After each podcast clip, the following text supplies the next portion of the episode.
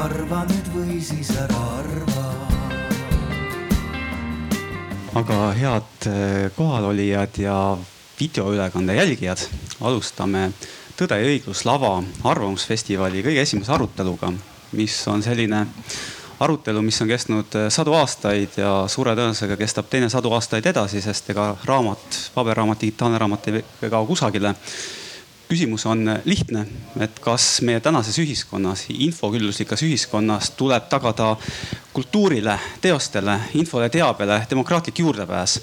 Ma moderaatorina kasutasin enda privileege, natukene muutsin pealkirja, kus on praegu sõna raamatukogud ja võtsin raamatukogude sulgudesse, sellepärast et täna me räägime koos heade külalistega mitte ainult raamatukogudest, vaid räägime ka raamatupoodidest ja räägime ka kirjastustest eraldi küsimus oli, et miks me räägime raamatutest, kui äkki probleem on internetis, siis eh, piiritlemaks enda teemat raamatutega.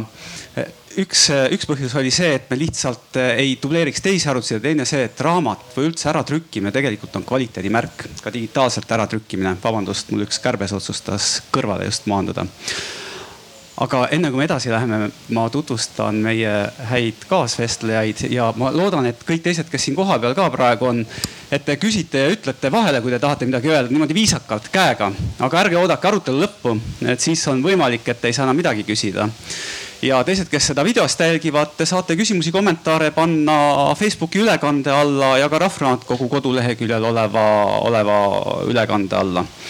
aga hakkame pihta meie külalistega. kõigepealt eh, Tiina Kaalep, tere. ja tere et eh, Tiina on väga pikaajalise ajakirjaniku kogemuse ja meediakogemusega, praegu juhib Ekspress kirjastuse, kirjastust. hea lugu, et eh, me pärast ta ringi laseme korraga külalistel detailsemalt rääkida Eh, mida me täpselt teeme ja kuidas äkki me oleme lõikunud selle küsimusega, mis me täna arutame. Reet Lubi, Reet tuleb Viljandi raamatukogust ja on seal direktor. tere ja mina olen Viljandi Linnaraamatukogu direktor.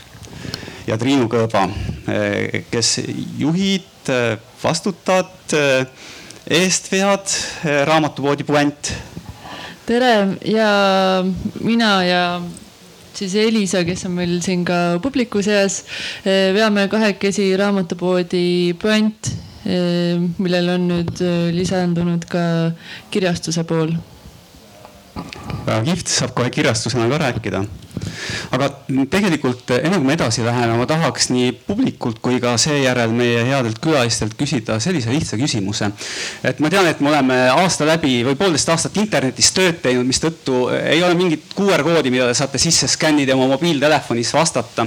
vaid see lihtne küsimus selline, et kas te olete raamatupoes või, või raamatukogus lihtsalt mõnda raamatut nähes tekkinud tunne, no seda nüüd küll ei peaks müüma või jagama, et, et lihtsalt kellel see tunne vähemalt korra on tekkinud tõstke käsi. noh, üle poole ja ma tahaks, et neist inimestest, kellel see tunne on tekkinud, tõstaksid käe need, kellel pärast seda oli tunne, et, et aga, aga no see on ikka jube keeruline see ärakeelamine, et äkki ikkagi ei peaks ära keelama no natuke vähem käsi ja käed hakkasid juba värelema kergelt sellises kahtluses. aga tegelikult sellesama küsimusega läheme heade vestluspartnerite juurde kohe, et kas teil on mingi kogemus sellest hetkest, mingi konkreetne teos või, või äh, see mälestus sellest, kus olete mõelnud, et me oleme küll demokraatlikus ühiskonnas ja me oleme tulnud ühiskonnas, kus tegelikult ka tsenseeriti, piirati juurdepääsu infole kultuurile. aga kus teil on viimase kolmekümne aasta eest tekkinud eh, hetk, et äkki ei peaks, et teeme niipidi, et hakkame praegu Tiinast näiteks pihta. aitäh. Äh, poes on natuke hilja mõelda, et äh, raamatu teepoodi on päris pikk kui tegemist on äh, tõlkeraamatuga, siis teekond on võib-olla isegi kuni aasta pikk. ja ja no algupärandite puhul tegelikult samamoodi ja õigupoolest seda teksti või neid ideid näevad ju päris paljud inimesed. ja see mõte, et võib-olla ei peaks tegema, see tegelikult, kui, kui see mõte külastab meid poes, siis, siis on tõesti liiga-liiga hilja. sest poodide puhul tuleb aru saada sellest, et, et selles tohutus ületootmises, kus me elame, meil ilmub ligi neli tuhat uut eestikeelset raamatut aastas, ei ole mitte mingit võimalust, et kauplused teaksid raamatute sisu mitte mingit võimalust. ikkagi see sisu ekspertiis on kõik nendes eelmistes etappides ehk siis valdavalt selle valija peas, kes otsustab, teeb otsuse, et sellest asjast saab raamat, selle litsentsi ma näiteks ostan, tõlgin ära, toimetan, teen korrektuuri, kujundan, saadan trükki. et seal on see mõtlemise koht ja neid valikuid tehakse kõikides Eesti kirjastustes iga päev ja me veel kirjastusest räägime kõvasti, ma kardan. aga äkki Reet? Ja äh, raamatukogu poolt äh, lähen sinnasamma teemasse, et äh, tõesti, et kui juba raamatupoes ei suudeta neid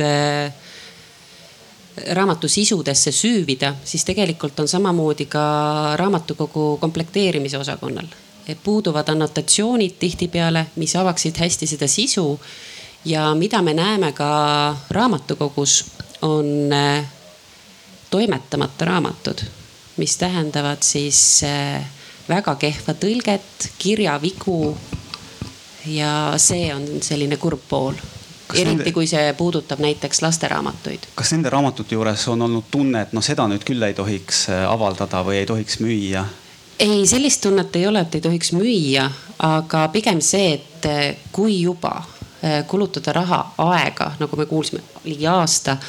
et äh, siis võiks seda teha korralikult aga on sellist hetke olnud, kus tõesti oled vaadanud raamatule otsa, mis on tõesti lugejad on tahtnud või ise raamatupoes olnud või ise sisse ka selle ostnud ja mõelnud, et noh, seda nüüd küll ei tohiks välja laenutada. Raamatukogus eh, tihtipeale jätame me ikkagi enda isiklikud eh, valikud ja mõtted kõrvale, sest eh, raamatukogu, nii nagu Rahvaraamatukogu seadus ütleb, me tagame inimestele vaba ja piiramatu juurdepääsu infole no siin ma arvan, me intrigeerime natukese pärast edasi. ja et, et siinkohal ongi see, et on raamatuid, mille peale ütlevad ka äh, lugejad, kes raamatu tagasi toovad, et eh, puudest on kahju, et keskkonnaaktivistid võiksid natukene mõelda ka raamatu kirjastamise peale ja nende väljaandmiste peale. et, eh, et sellised teosed võiksid päästa nii mõnegi puu metsast. et see on lugejate arvamus ja kusjuures kohe me läheme selle, selle küsimuse juurde, et kas mõne puhul võiks lihtsalt puu päästa, aga teiste puhul, kas võiks hakata mõtlema, et äkki ei tohiks seda ka digitaalselt näiteks jagada. aga Triinu, on sul endal tekkinud selline tunne mõnda teost vaadates, et, et tõesti oleme demokraatlikus ühiskonnas, aga siin võiks nüüd tulla keegi kõrge natšalnik öelda, et seda müüa ei tohi? Äh, ma arvan, et kõik äh, noh see demokraatlik ligipääs peab olema, aga meie oma väikese raamatupoena siis oleme võtnud endale selle vabaduse ja õiguse valida, mida me täpselt soovime müüa. Ja me oleme siis välja jätnud kõik, kõik, mis meile tundub siis ebakvaliteetne või mis, mille infos võiks kahelda või mis ei ole siis äh, tõestatud näiteks, et ähm, ja me, meil on see hea võimalus seda teha. see raamatute jaemüügituru põhitegijate filosoofiast erineb päris palju. ja ähm, me tahame, et, äh, et inimesed ei peaks ja meil on kliendid ka väga toredasti öelnud, et meie juurde tulles ei pea mingisugusest rämpsust läbi äh, ujuma ja sorteerima, et saab kohe sellise väärtkirjanduse juurde jõuda lihtsalt ma vaatasin ka teie koduleheküljel oli asju, mida ma kindlasti ostaksin ja ma ei leidnud asju, mida ma kindlasti ei ostaks. et see alati ei ole igal, igal, igal, igas raamatupoes, iga raamatupoe e, e, netipoes samamoodi.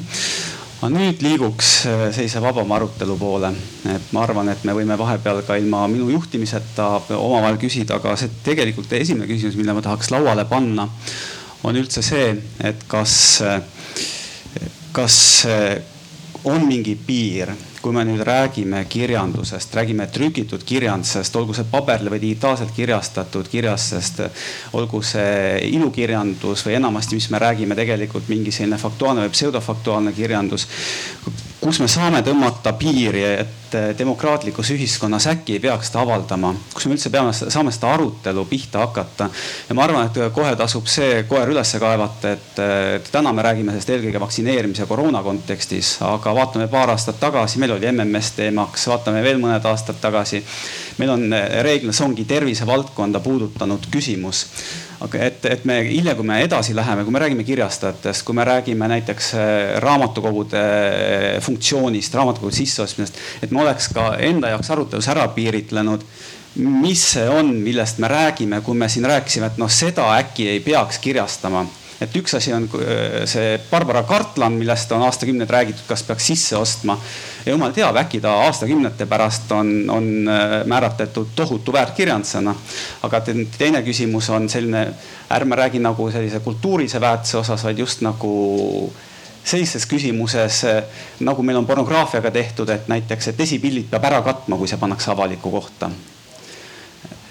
jah, ma proovin seda jutu lõnga siit üle võtta, et kõigepealt äh, mina ei usu pornokomisjonidesse, no tõesti ei usu.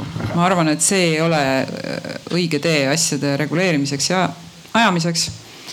ja kuidas võiks olla reguleeritud siis äh, sedalaadi tekstide levimine vabas riigis, mis otseselt on kahjulikud mis otseselt äh, võivad äh, lugejale tuua kahju nii talle kui tema kaaslastele. noh, toon näiteks võib-olla mingi pommi tegemise õpetus või, või mingi, mingi äh, retseptuur, kuidas narkootikume valmistada.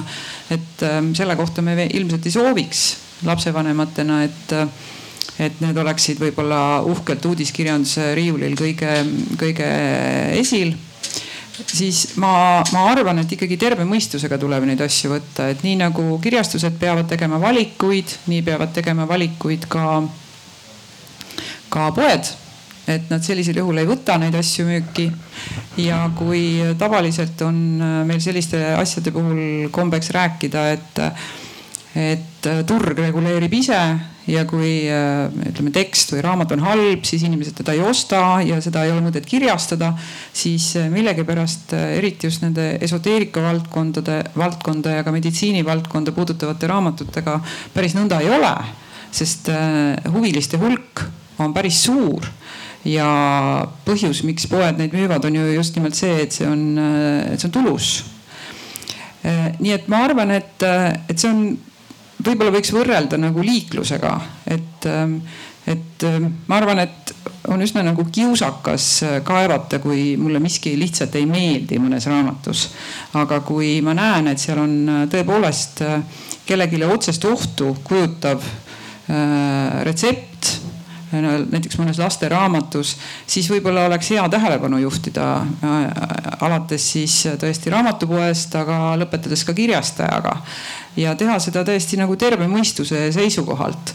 et äh, panna püsti mingi komisjon ekspertidest, kes ütlevad, et nüüd nii ja nüüd naa no nagu ütlesin oma, oma jutu alguses, et sellesse ma nüüd iseenesest küll ei usu, et ma arvan, et see, see viib täiesti tulutute, tohutute vaidlusteni no siis see piir läheks sealt, kus tegelikult see raamat annab juhiseid millegi tegemiseks tõsimeeli, mis võib tegelikult inimese elu ohtu seada jah, või siis otseselt, äh, äh, kui on tegemist tõestatava valega. Et ennem sa siin mainisid, et see on põhiliselt siis meditsiiniteema. noh, mitte ainult, et meie kirjastus annab päris palju välja aiandusalast kirjandust ja seal on üsna suur osa on taimekaitsel ja see tähendab seda, et me peame üsna tähelepanelikud olema selles suhtes, mida, mida võib ja mida ei või äh, Eestis müüa. Äh, sest et need nimekirjad muutuvad üsna kähku õigupoolest, nii et selle valdkonna kirjandus vananeb ootamatult ruttu. Et me peame seda tähele panema. et see sõltub ka sellest, mis on riiklikud regulatsioonid, kas ja, läheb kokku raamatus oleva sisuga. jah, muidugi. Ja veel on üks valdkond, mis läheb võib-olla veelgi kaugemale, et üsna paljud ähm, raamatud sisaldavad ka elus olevate inimeste kohta faktivigu ehk siis nad on mõnes mõttes nagu ajakirjanduse pikendus äh,. igal pool maailmas ajakirjanikud kirjutavad lisaks artiklitele ka raamatuid ja siin on nüüd ka see kirjastuse tähelepanu peab olema hästi kõrge et toimetaja leiab need üles, et äh, aastaarvud on balansis, et äh, tõepoolest ei võetaks puid maha raamatu jaoks, mis kubiseb mingist jamast ja valest. aga Reet ja ma jagan siin täiesti Tiina seisukohta, et äh, mingisugune komisjon, kes keelama hakkab, äh, ilmselgelt äh, demokraatlikus ühiskonnas toimetada ei saa. sest nii nagu meie põhiseaduses on juba kirjas, et tsensuuri ei ole. igaühel on õigus enda arvamusi, veendumusi sõnas, trükis, pildis või muul moel avaldada. nii et ma selle koha pealt jagan seda seisukohta täiesti ma, ma tahaks kohe vahepeal intrigeerida, ma olen Triinu suhtes natuke ebaviisakas, aga, aga tõesti tsensuuri ei ole.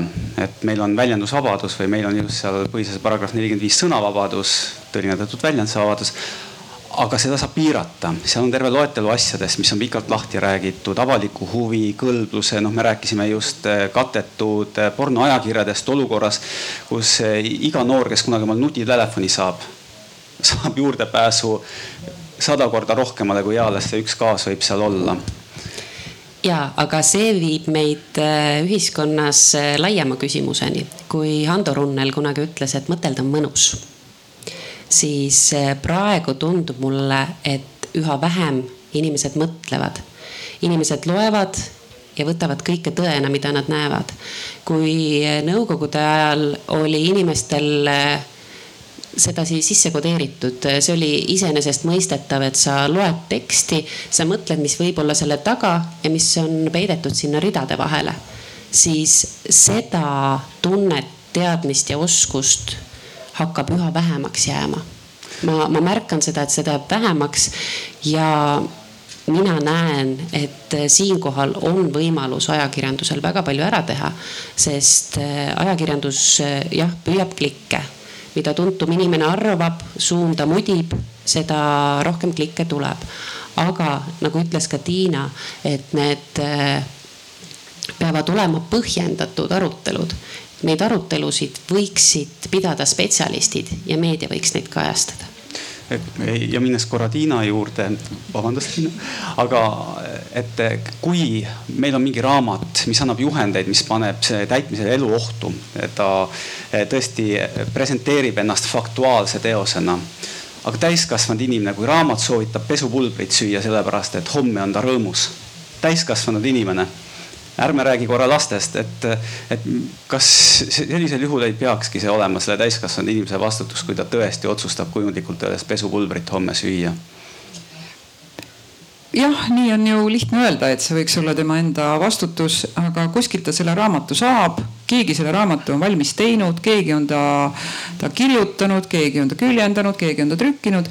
ja ma arvan, et siin on tegemist sellise jagatud vastutusega, on kirjastaja vastutus mida, mida olen isegi kandnud ja on ka levitaja vastutus. ja see levitaja on siis, siis raamatupood või, või raamatukogu. et tõepoolest need erinevad inimesed, kelle käest see läbi käib, see teos peavad noh, tervemõistuslikult äh, lähenema sellele küsimusele. et mitte, mitte soovitada asju, mis on otseselt inimestele kahjulikud. ja, ja tõepoolest, et kui siis midagi juhtub, räägime nüüd sellest ka, kui keegi tõesti äh, siis äh, sööb, joob seda pesupulbrit, mis siin näitena toodi, siis ikkagi võib tekkida kohtuasi kus need äh, pööratakse konkreetseteks numbriteks, need äh, vastutuse osakaalud, kus me seda näeme, et meil ei ole sedalaadi kohtupraktikat olemas. Äh, seda ju meedia vahendab, et mujal see on tekkimas, et iseenesest ma arvan, et selline ma ei taha nüüd nagu kurja, kurja karja kutsuda, aga ma arvan, et oleks üsna tervendav tegelikult. Mõni selline protsess, kus me tegelikult näeme, kuidas see vastutus jaguneb ja milline see tegelikult võiks siis äh, seadusandja meelest olla. ja ma vahepeal ütleksin, et ähm, kui me räägime kirjastustest ja nende vastutusest, siis äh, hea on, kui see raamat jõuab kirjastuseni. sest et äh, me praegu oleme tegelikult olukorras, kus kõik meist saavad anda raamatu välja, sa saadad oma faili trükikotta ja valmis ta ongi. et siis ma arvan, et, et võib-olla see reguleerimine peaks rohkem tulema siis ka poodide poolt ehk.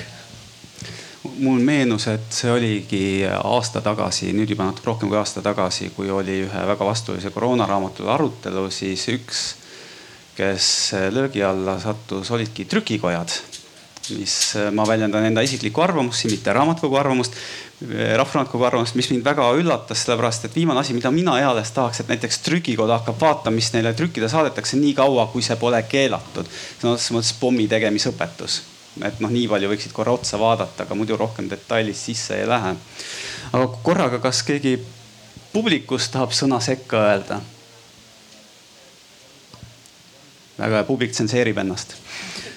aga ja, ma kommenteeriks veel, et ähm, meil Eestis siin on selline olukord, kus äh, turgu valitsevad Rahva Raamat ja Apollo, kes võtavadki müüki kõik, mis äh, vähegi välja antakse, et äh, vaadates siis lääne poole näiteks, Kesk-Euroopa poole, siis seal on väike raamatupoodide osakaal kõvasti suurem. Ja väikesed raamatupoed saavad teha neid valikuid, et mida müüa ja ka teemade kaupa siis toimub see jagunemine. et võib-olla oleks see meil ka siin tervitatav, kui oleks näiteks loodusraamatupoed, siis on eraldi tervise omad ja nii. Eh, siinkohal eh, raamatukogud natukene lähevad eh, teiega ühte leeri, sellepärast et õnneks või õnnetuseks kõigil Eesti raamatukogudel ei ole nii palju raha, et osta kõike, mis ilmub. et et äh, kõik raamatukogu hoidjad peavad tegema valikuid, mida nad ostavad raamatukokku. et, äh, et siinkohal on võimalik, jah, mõnikord äh, juhtub ka seda, et raamatu tutvustusest ei tule tihtipeale ka välja see, et mis see sisu täpselt on aga teatud raamatute puhul, kus see välja tuleb, on tegelikult juba komplekteerimise hetkel inim-, siis raamatukogu hoidjal võimalik teha see valik. et jah, õnneks või õnnetuseks rahapuuduse tõttu.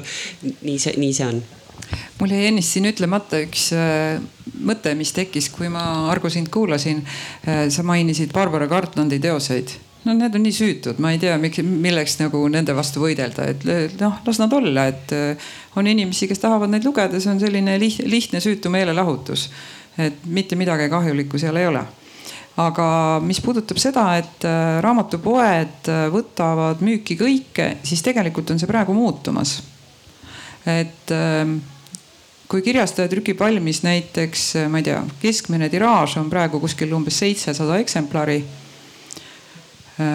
võtab näiteks Apollo ütleb, et jah, ma võtan viis tükki seda, siis see tegelikult tähendab seda, et kui me võtame poodide hulga siis me näeme, et seda on ainult üksikutes kauplustes, siis see tegelikult ei levi et iseenesest on juba praegu ka märke selliseid, et, et kauplused teevad rangemat valikut ja isiklikult ma arvan, et see on hea. et see pisut leevendab seda tohutut ületootmist, mis Eestis raamatuturul on ja kirjastused teavad seda väga hästi. noh, kasvõi sellise nähtuse kaudu, mille nimi on tagastus selline nagu tagastus. noh, ma vaatan esimesest reast, raamatukaupmees naerab et äh, saad lihtsalt kirja, lähed ühel hommikul tööle, saad kirja, et äh, noh, meie siin sellest raamatupoest, et äh, võtke oma kümme tuhat raamatut tagasi näiteks, eks ole. et, noh, hea on nendel kirjastustel, kellel on, kuhu see tagastus vedada, eks ole. kellel on ladu, aga on ka neid, kellel ei olegi ladu et kes on oma raamatud valmis tootnud ja nad kõik poodi saatnud, et siis tuleb nende raamatutega edasi toimetada ja ega siin nagu väga palju häid valikuid ei ole, mis nendest edasi saab, aga see ei ole meie tänase jutuajamise teema loomulikult. et põhimõtteliselt äh, ma, ma arvan, et äh, kogu see, see küsimus taandub valikutesse. Kes teeb neid valikuid selle raamatu teekonnal teel selle lõpptarbijani ehk lugejani, et, et on oluline, et need inimesed on vastutustundlikud. Ja ma tõmban korra sellele algsele küsimusele sellise piirjoone peale, et meil on selline ma ei ütleks, et vaikiv konsensus, aga, aga ma tunnetan, et see piirjoon tuleb välja, et me oleme põhimõtteliselt nõus, et sellist arutelu üldse kas peaks mitte mingeid raamatuid kusagil väga lihtsalt kätte saama, sõltumata kelle vastutus on kirjastus, riik. et need on sellised, kus on tegelikult sügavad faktuaalsed probleemid, mis võivad kuidagi inimese käitumist mõjutada, kas ta tapab oma puud ära, mürgitab kogemata valemürgiga omal kalad tiigis ära või siis äh, tõesti äh, ravib vähki pesupulbriga. et see on kusagil see piir, millest me räägime, et see ei ole, et me ei räägi sellest, et Barbara Cartlandi ei peaks raamatukogudes olema, ei peaks inimestele müüma või et, või et halva kvaliteedilist esoteerilist kirjandust, noh, mitte halva kvaliteedist, vaid lihtsalt esoteeriline kirjandus kuidagi. või selline kirjandus, mis jääb ka kusagile reaalselt usuvabatse piiresse, et sisaldab mingeid faktuaalseid väiteid, et seda me otseselt ei taha ju näppima minna kas ma piiritlesin umbes õigesti te, praegu teie vaatest?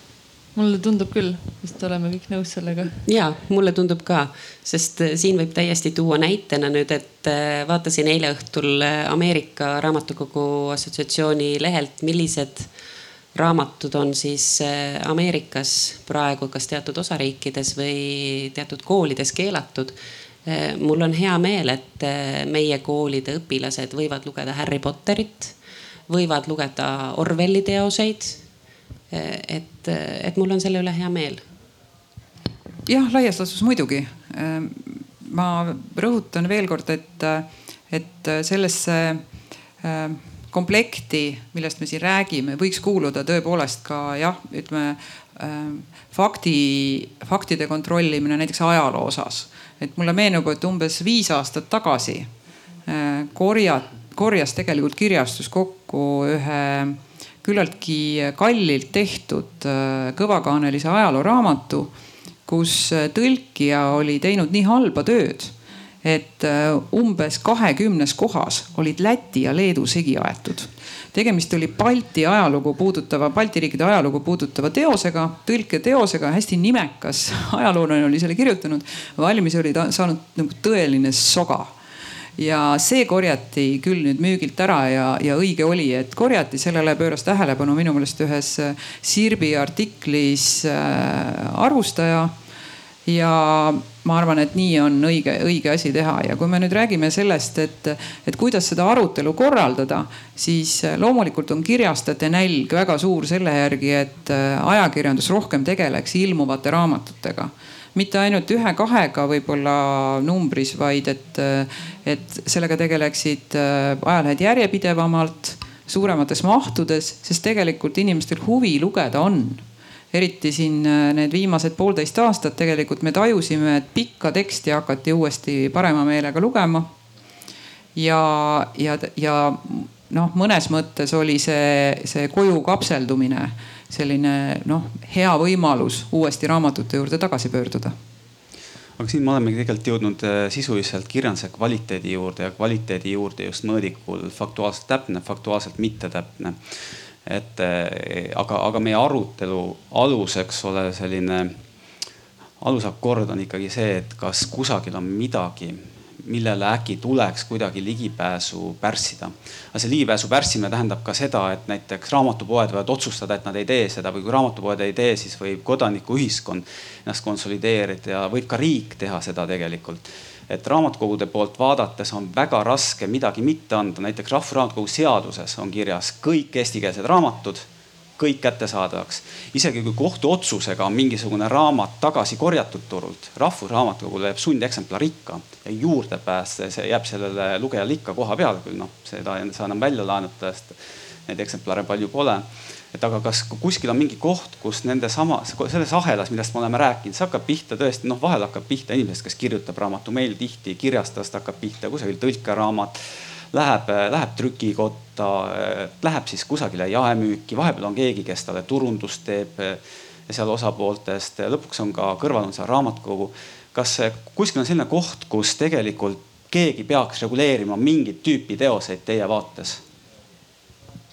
ma arvan, et ei peaks, et niikaua kuni eh, ei seata tervist ohtu ja faktid on eh, korrektsed, et siis ei peaks igaühe. küsimus ongi, kui faktid ei ole korrektsed. Ju siis, siis ma ei, ei levitaks selliseid raamatuid, et faktid peavad olema korrektsed. No aga ei pea, meil on, meil on ikkagi väljendusvabadus, mis ulatub ka sellesse, et sa võid öelda välja ka mitte fakt, faktuaalselt ekslikke väiteid hommikust õhtuni. Ja väide, mis täna on faktuaalselt korrektne, võib kahe aasta pärast olla täiesti ekslik. Öeldakse täna, et näiteks keemia X on väga hea kuuskedelt mingisuguste kahjurite ärasaamiseks. kahe aasta pärast tuleb välja, et see tapab kõik koerad ära aias. et, see on väga halb, et see on selline hägustsoon ikkagi. Et ka ma, ma tahaks minna selle asja juurde, et võtame mingid konkreetsed näited, meil on raamat, mis arutelus olnud on, on see, ta pealkiri oli stiilis Kogu tõde koroonast või selline punane-valge raamat, mille üle eelmisel aastal käis arutelu, see on täna kõikides raamatupoodides olemas selle arutelu, arutelu taustaks oli see, et eh, ka mõned raamatupoed ei olnud mitte selle lihtsalt raamatupoodi võtnud, vaid neil on need reklaamiletid, kus nad markeerivad ära nagu raamatukogus, soovitan täna. Nad olid selle sinna pannud ja arutelu hakkas sealt pihta, et kas see peaks üldse seal letis olema ja see arutelu teine level oli see, et kas see peaks üldse raamatupoes olema. et eh, ma korra kontrollin üle selle raamatu nime, et kui, kui keegi peast seda mäletab aga ma küsin siis näiteks sellesama konkreetse raamatu näitel, tema nimi oli Koroona valehäire, vabandust. Eh, faktid ja taustainfo poliitiliselt mõjutamata vaade kriisile. ma ei tea, kas keegi on kokku puutunud, aga põhimõtteliselt ta kujundlikult ütleb, et koroonat ei ole olemas või ta ei ole nii hull ja vaktsiinid ka ei tööta, vaktsineerima ei peaks siinkohal ma lähen tagasi sinna, millega me täna alustasime, et mina näen selles lahendust ikkagi, et kui spetsialistid räägivad ja arutlevad sellest meedias, et inimesel oleks võimalik kahelda ja mõelda kaasa. selles mõttes, et äh, mul oleks, mul on väga valus mõelda, mida ütlevad selle peale kõik need meditsiinitöötajad, kes on äh, olnud siis eelmisel hooajal äh, koroona osakondades tööl. et mõte iseenesest jah, on vaba ja sõna on vaba, sa võid öelda, aga selle vabadusega peaks kaasnema ka vastutus.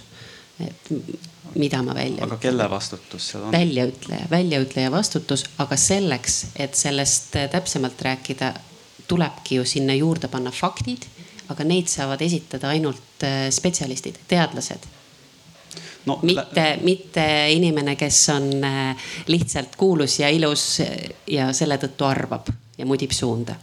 ma tulen natukene kordan, mida ma kümme minutit tagasi siin ütlesin, et noh, selle olukorra vastu, mida sa praegu kirjeldad, ikkagi aitab see, et emba-kumba, kas siis needsamad eksperdid, meedikud äh, kirjutavad äh, kuskil ajakirjanduses teksti, et noh, see tõepoolest ei, ei ole mitte kuidagi tõenduspõhine mis seal kirjas on või siis äh, inimesed, kes, kes kasvõi poes ütlevad siis kauplusele, et, et noh, selle võib-olla levitamine ei ole päris hea mõte ja kui neid signaale on võib-olla rohkem kui üks või kaks, siis see paneb ka kaupluse mõtlema. nüüd ütleme otseselt ära keelata, noh, ma ei näe võimalust seda, seda teha, et see peab käima nagu noh, kaudsemalt või rohkem läbi selle, selle reaktsiooni, mis sellele konkreetsele tekstile siis tekib.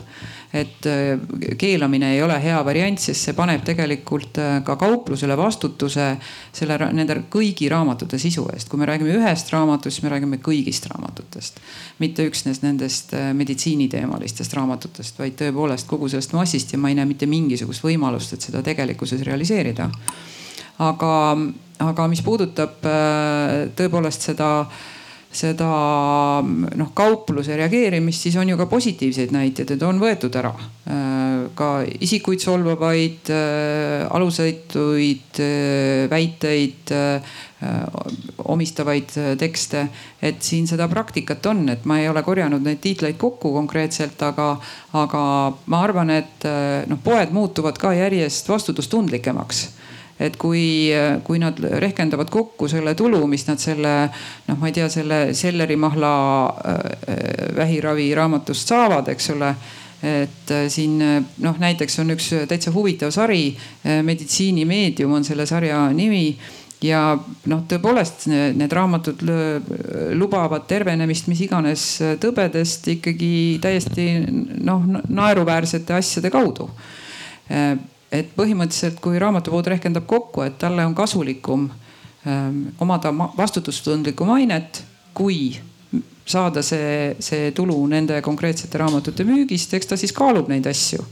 et see on selline lihtne turumajandus et turg peaks tegelikult selle ära reguleerima, mingi piirini, eks ta reguleeribki. no mingi piirini jah, et aga noh, nagu ma ütlesin, et iseenesest esoteerika kui valdkond on äh, väga tugevasti ju esindatud nii kauplustes kui raamatukogudes.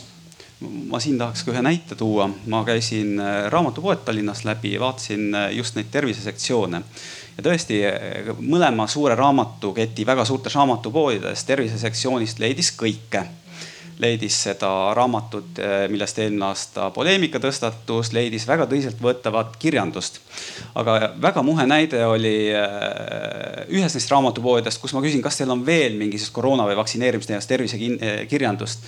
Öeldi jah, ja siis mind viidi astroloogia riiuli juurde, kus oli selline raamat nagu Koroona ja seks ja siis ma võtsin selle raamatu lahti, vaatasin, milles seal kirjas on ja see oli tõesti, sinna oli vist keegi sisse vaadanud, teenindaja mulle tundus, tundis ka natuke piinlikkust, et ta mulle seda näitas seal. ja seal oli hoopis kirjutatud sisuliselt sellest, et välja on töötatud kusagil mingi tee mingisuguses riigis, mida suur farma peidab, ei lase litsenseerida selleks, et oma vaktsiine müüa. ja siis oli tegelikult tehtud, kutsume seda toimetuslikuks otsuseks, et sellele raamatule ei anta seda tõsiseltvõetavust, mis tuleb näiteks tervisesektsioonis olemisega et äh, võimalik, et turg seda ongi tinginud, et vaevalt miski muu seda tingis, aga samas väga palju teisi raamatuid, needsamad raamatud, mis Tiina just näiteks tõi, need on jätkuvalt raamatupoe tervisesektsioonides. ja mis parata ka, ka raamatukogudes võib need leida tervisesektsioonides, sest kui meil raamatukokku päevas tuleb äh, väga mitu raamatut, siis keegi ei jõua neid läbi lugeda, retsensioone ka kusagilt ei tule ma tahaksin tegelikult esitada küsimuse oma kaaslastele millest me kirjastustes aeg-ajalt räägime, aga me ei tea seda vastust. et küsimus on soovitamises, me ei ole tegelikult rääkinud soovitustest kui sellest, sellisest, et äh, soovitamine on äh, väga tugeva mõjuga otsuse tegemisel ja no me enam-vähem tajume ja näeme, mida soovitatakse suurtes kauplusekettides. seal väga üsna palju oleneb äh, nendest lisaväljapanekutest, millele sa viitasid. õigupoolest kirjastus maksab selle kinni, selle lisaväljapaneku. Äh, aga küsimus on raamatukogu soovitustes põhiliselt, et kas raamatukogu räägib oma inimestega, mida me ei soovita kui me räägime sellest eh, just eh, esoteerilisest ja meditsiini osast, siis olgem ausad, üha enam liiguvad ka raamatukogud tegelikult e-keskkondadesse ja need inimesed, kes neid raamatuid laenavad, nemad teavad täpselt, mida nad tahavad tavaliselt nad broneerivad need ette, tellivad kappi või nad tulevadki täpselt seda raamatut võtma. Nad isegi ei taha et raamatukogu hoidja selle kohta midagi ütleb või soovitab et selliseid inimesi on väga-väga palju, sest äh, nagu sa ise mainisid äh,, see seltskond Eestis, kes esoteerilist kirjandust loeb ja selle vastu huvi tunneb, on väga suur. ja, ja nemad on ka see seltskond, kes väga täpselt teavad, mida nad tahavad. ja tihtipeale nad teavad ka seda, et raamatukogu hoidja ei tea nii palju kui nemad Tiinal on väga hea küsimus, ma tahaks ka küsida raamatupoe poole pealt, et kas te soovitate, te muidugi valite ka väga hästi neid või väga kitsalt, konkreetselt, selgelt, aga. ja äh, meil soovituste nii-öelda osa on päris suur ja meie soovitusi ka usaldatakse, mis on äh, siis klientide poolt äh, väga tore ja armas. meie põhineme enda lugeja kogemusele mida me oleme uurinud ja mis eeltööd oleme raamatute kohta teinud, et me teame ehm, siis vastavalt eh, kliendi soovile siis midagi talle pakkuda, et mis talle on eelnevalt, millised raamatud meeldinud või ehm, kas teda huvitab rohkem ajalugu, ulme, et vastavalt sellele siis. ja kuna meil üldse puuduvad ähm, siis nii-öelda esoteerika ja laadsed raamatud, siis me ei pea sellega tegelema. et jah, meil jääb siis ilukirjanduse valdkonda kõik ja raamatukogud, kui nemad teevad enda raamatusoovitusi enda kodulehtedele, siis täpselt samamoodi ikkagi nad lähtuvad raamatukogu hoidjate lugemusest ja raamatukogu hoidjad soovitavad ikkagi neid teoseid ja tõesti enamasti siis ilukirjandust aga see on hea mõte või see hea, hea rakurss, mille Tiina välja tõi, sest et siin on taustal ka see küsimus, et iga kord, kui sul on kirjas tervis rubriigil näiteks või liiklus, noh liiklusõpikud, siis, siis sa tegelikult soovitad seda. sa ütled, et see on selle valdkonna raamat, kui sa seda loed, siis sa saad midagi teada näiteks psühholoogia kohta, et omades äh, sõpru, kes on äh, psühholoogia haridusega, siis nad lähevad psühholoogia riiulitest silmad kinni mööda et pole midagi teha, aga, aga see on ka omamoodi soovitus. see ikkagi, see läheb sinna vastutuse küsimusse, et, et raamatupood kannab siin vastust, et vastutust, aga teistpidi jällegi me jõuame tagasi sinna, et ka kirjastus kannab vastutust selle eest jah, muidugi kannab kirjastus selle eest vastutust, et ma tegelikult tooksin võib-olla veel ühe äh, sellise põgusa kõrvalteemana sisse ühe asja, mida kirjastus, mis kirjastuste ees seisab tegelikult äh, lähiajal. Äh, ja kui me siin rõhutame ja räägime, et tsensuuri ei ole, siis õigupoolest noh, märgid sellest on ikkagi õhus. ja ma räägin siin poliitkorrektsusest tekstides, pealkirjade muutumisest, et meie näiteks kirjastame eestikeelsena Tom Sawyerit ja Huckleberry Finni ja oleme mõelnud selle peale, et, et selles ajaloolises ja toredas Mark Twaini tekstis on, on küllap neid kohti, mis täna juba näiteks Ameerikas on kinni kaetud või onu Tommy Jonnike või noh, kõik me seda Pipi, Pipi lugu ju teame ka, eks ole. ja võib-olla vähem tuntud on paar muudatust, mis mis äh, tehti nõukogude ajal näiteks Nukitsamehe teksti mis äh, täna nüüd levib jälle selles äh, Oskar Lutsu versioonis. mis on, kus on muudetud noh, üsna vähe sõnu, aga sellise olulise tähendusvarjundiga. nii et õigupoolest noh, ma arvan, et, et kirjastaja jaoks on väga oluline autori tahe. kui ta seda autorit usaldab, kui autor on hea mainega kui, kui ta ei, kui ta ei eksi, siis eh, noh, hoolimata sellest, eh, milline on see poliitkorrektsuse tuhin parasjagu, parasjagu üleval, peaks need tekstid ikkagi olema sellised, nagu autor on nad täpselt loonud. ma arvan, et eh, kriitilist mõtlemist peaks võib-olla siis koolides ja haridusasutustes rohkem õpetama ja sest me peame arvestama, millisest kontekstist äh, raamatud tulevad, mis on äh, see jah koht, et kus ta loodud on.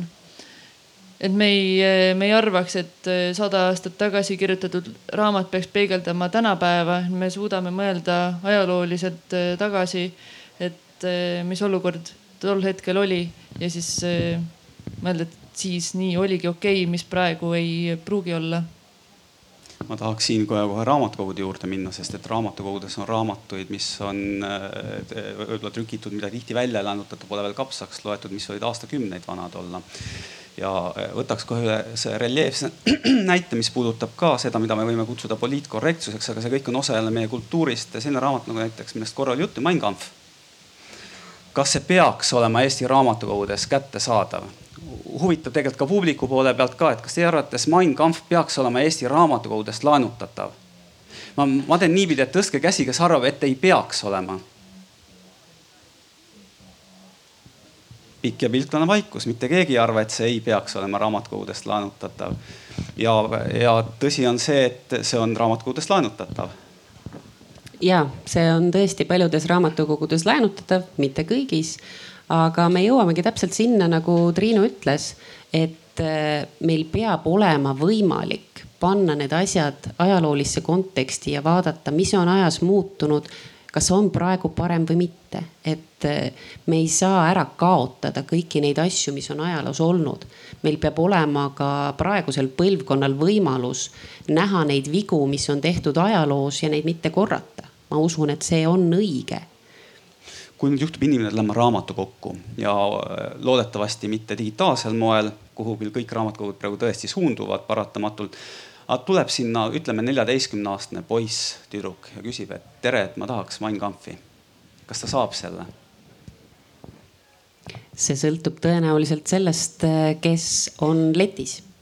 milline on selle raamatukogu hoidja kogemus? kas kui vana ta on, milline on tema ajalooline taust, kas teda huvitab. et äh, ma väga loodan, et äh, sellisel juhul tekib seal arutelu ja millise lõpptulemuseni see viib, me ei tea, sest väga palju sõltub ju ka sellest, milline on selle küsija eelnev kogemus, lugemus ja teadmised.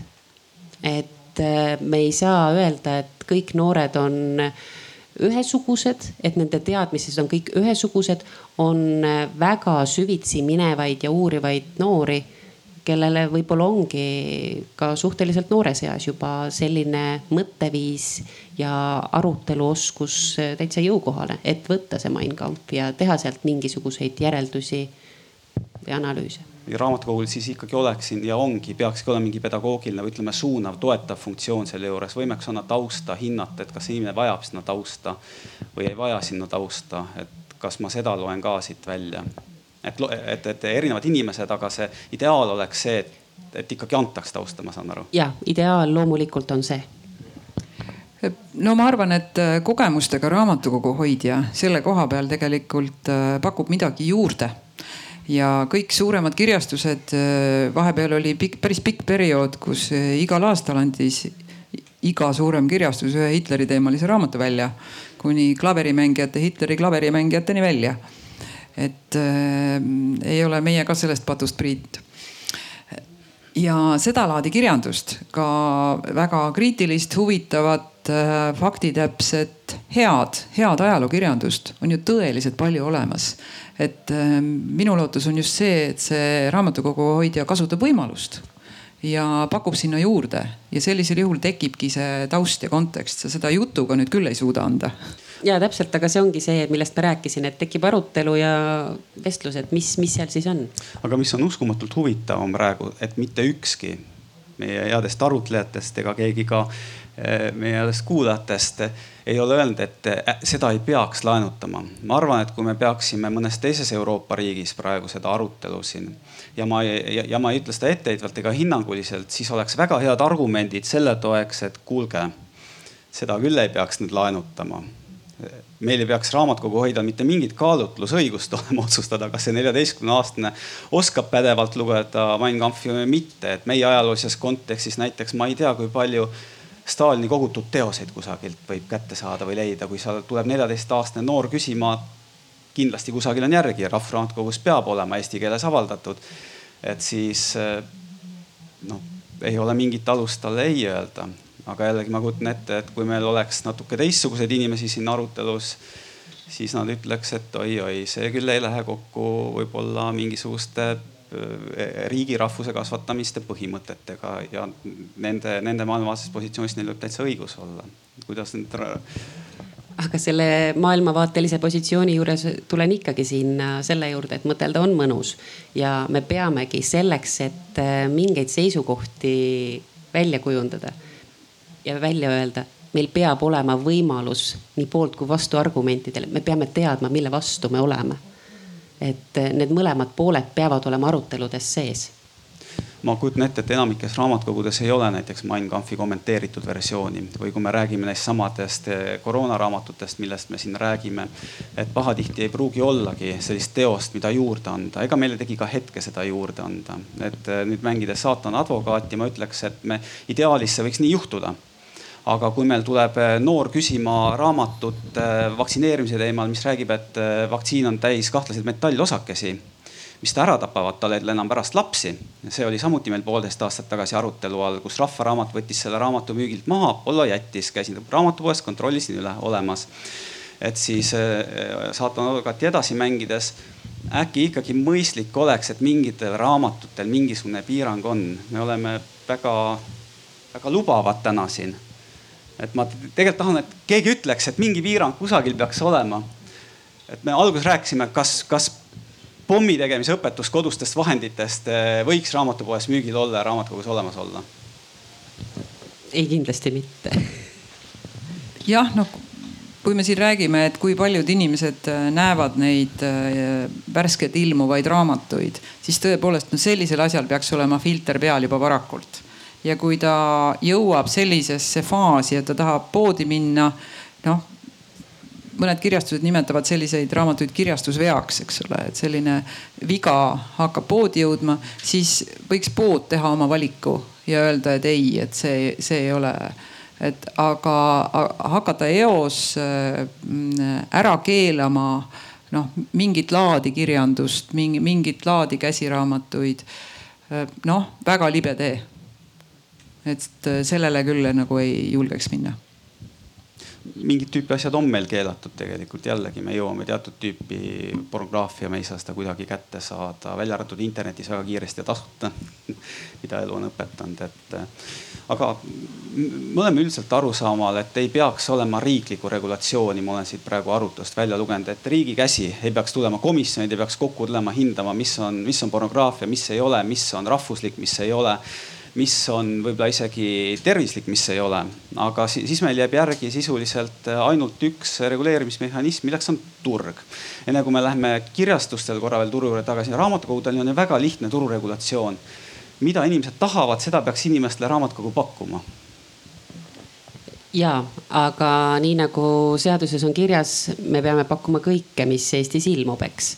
ja siinkohal on jällegi need valikud. Äh, loomulikult äh, on raamatukogusid, kes saaksid äh, kogu oma aasta eelarve eest osta Barbara Kaartlanti ja oleks mure murtud, rohkem tellima ei pea. aga meie kogud on mitmekesised ja siin tuleb ikkagi mängu see, et meie kogukonnad on erinevad ja me peame kõigile inimestele midagi pakkuma. me ei saa minna enda kogudega kujundamisel ainult ühte tüüpi, ühte suunda. Need me... peavad olema mitmekesised ja väga paljudele inimestele sobivad. et me ei saa raamatukogule ette heita, kui noh, ma räägin nüüd äh, pesupulbri söömisest, aga, aga kui seal on näiteks, äh, et kuidas kristallidega ennast targemaks teha jah, et äh, kui ta kristallidega soovib ennast targemaks teha, ilmselgelt see teda ju, kedagi teist see ei kahjusta. ta ei ole eluohtlik. et jah, seda ta võib tõesti ju teha. aga Triinu, kuskohast te tõmbate selle piiri? Kui te raamatu sisse võtate, et äh, kas teil on seal kusagil see piir endal olemas? meil ei ole konkreetseid piire, et vaatame nii, kuidas endale meeldib, kui aus olla ja, ja mitte ainult tegelikult eh, natuke tugineme ka siis endast eh, targemate spetsialistidele ja jah, me oleme ikkagi välja jätnud need eh, raamatud, mis ei või noh, mis kahjustaksid just kellegi tervist, mis on kahjulikud. Me üritame, mitte ei ürita, vaid hoiame ka siis nii-öelda keskmisest kõrgemat taset, et see luge-, inimese lugemus ja see, millest ta huvit- või noh, ma ei oskagi nüüd täpselt seda seletada, kuidas me enda valikuid teeme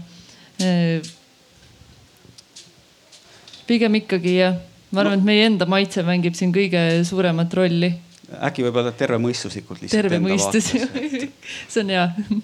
no siis me jõuame tagasi sinna, et ma võtaks nüüd kokku kuidagi seda osa, et kui raamatupoes on tõesti müügil raamat, et pesupulber ravib su koroonast terveks, siis eh, ei ole tegelikult riigil tulla alust ütlema, et ära näpi ja, ja ainus pool, kes seda saab mõjutada, on kas selle kirjastaja või selle jaemüüja enda mingi eetiline plaan või siis turg. juhul kui tõesti turg, olgu see turg massina või turg konkreetse eh, kodanikuühiskonnana tuleb ja survestab seda.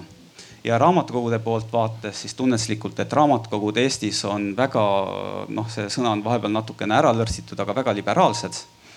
et raamatukogus saab kõike, lihtsalt ideaalis raamatukogu annab ka konteksti ja annab toe selle kõige saamisel.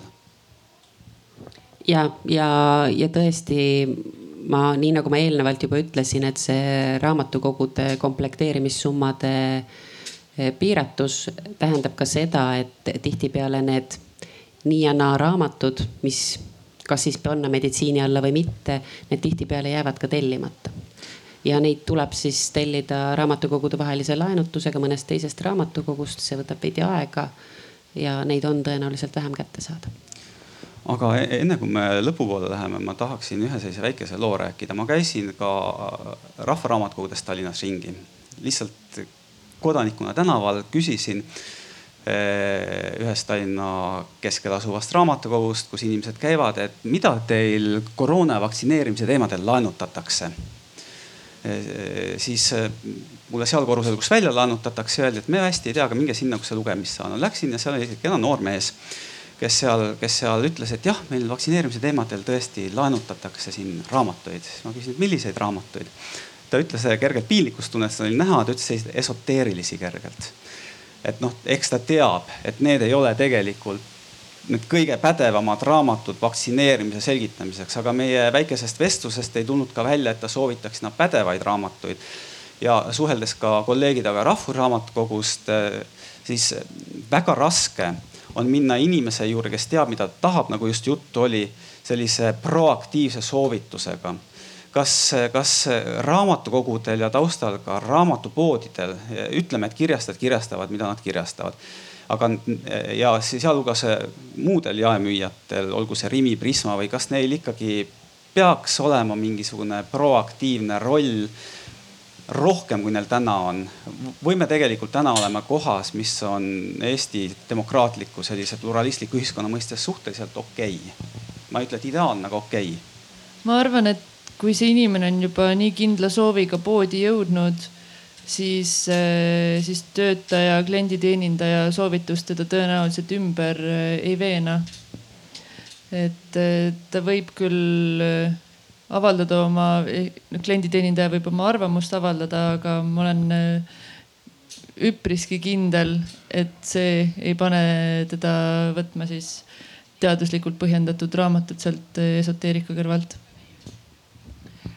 Jah, ma olen sellega hästi päri ja ega see äh, materjali puudus nüüd küll sellel teemal ei kummita, et kogu internet on seda ääreni täis ja inimesed loevad ja kuulevad mujalt ka ja kui nad tõesti tulevad mingit konkreetset raamatut küsima, siis, siis äh, on täitsa võimatu öelda, et ei, me nüüd ei anna seda sulle, et äh, ikka antakse.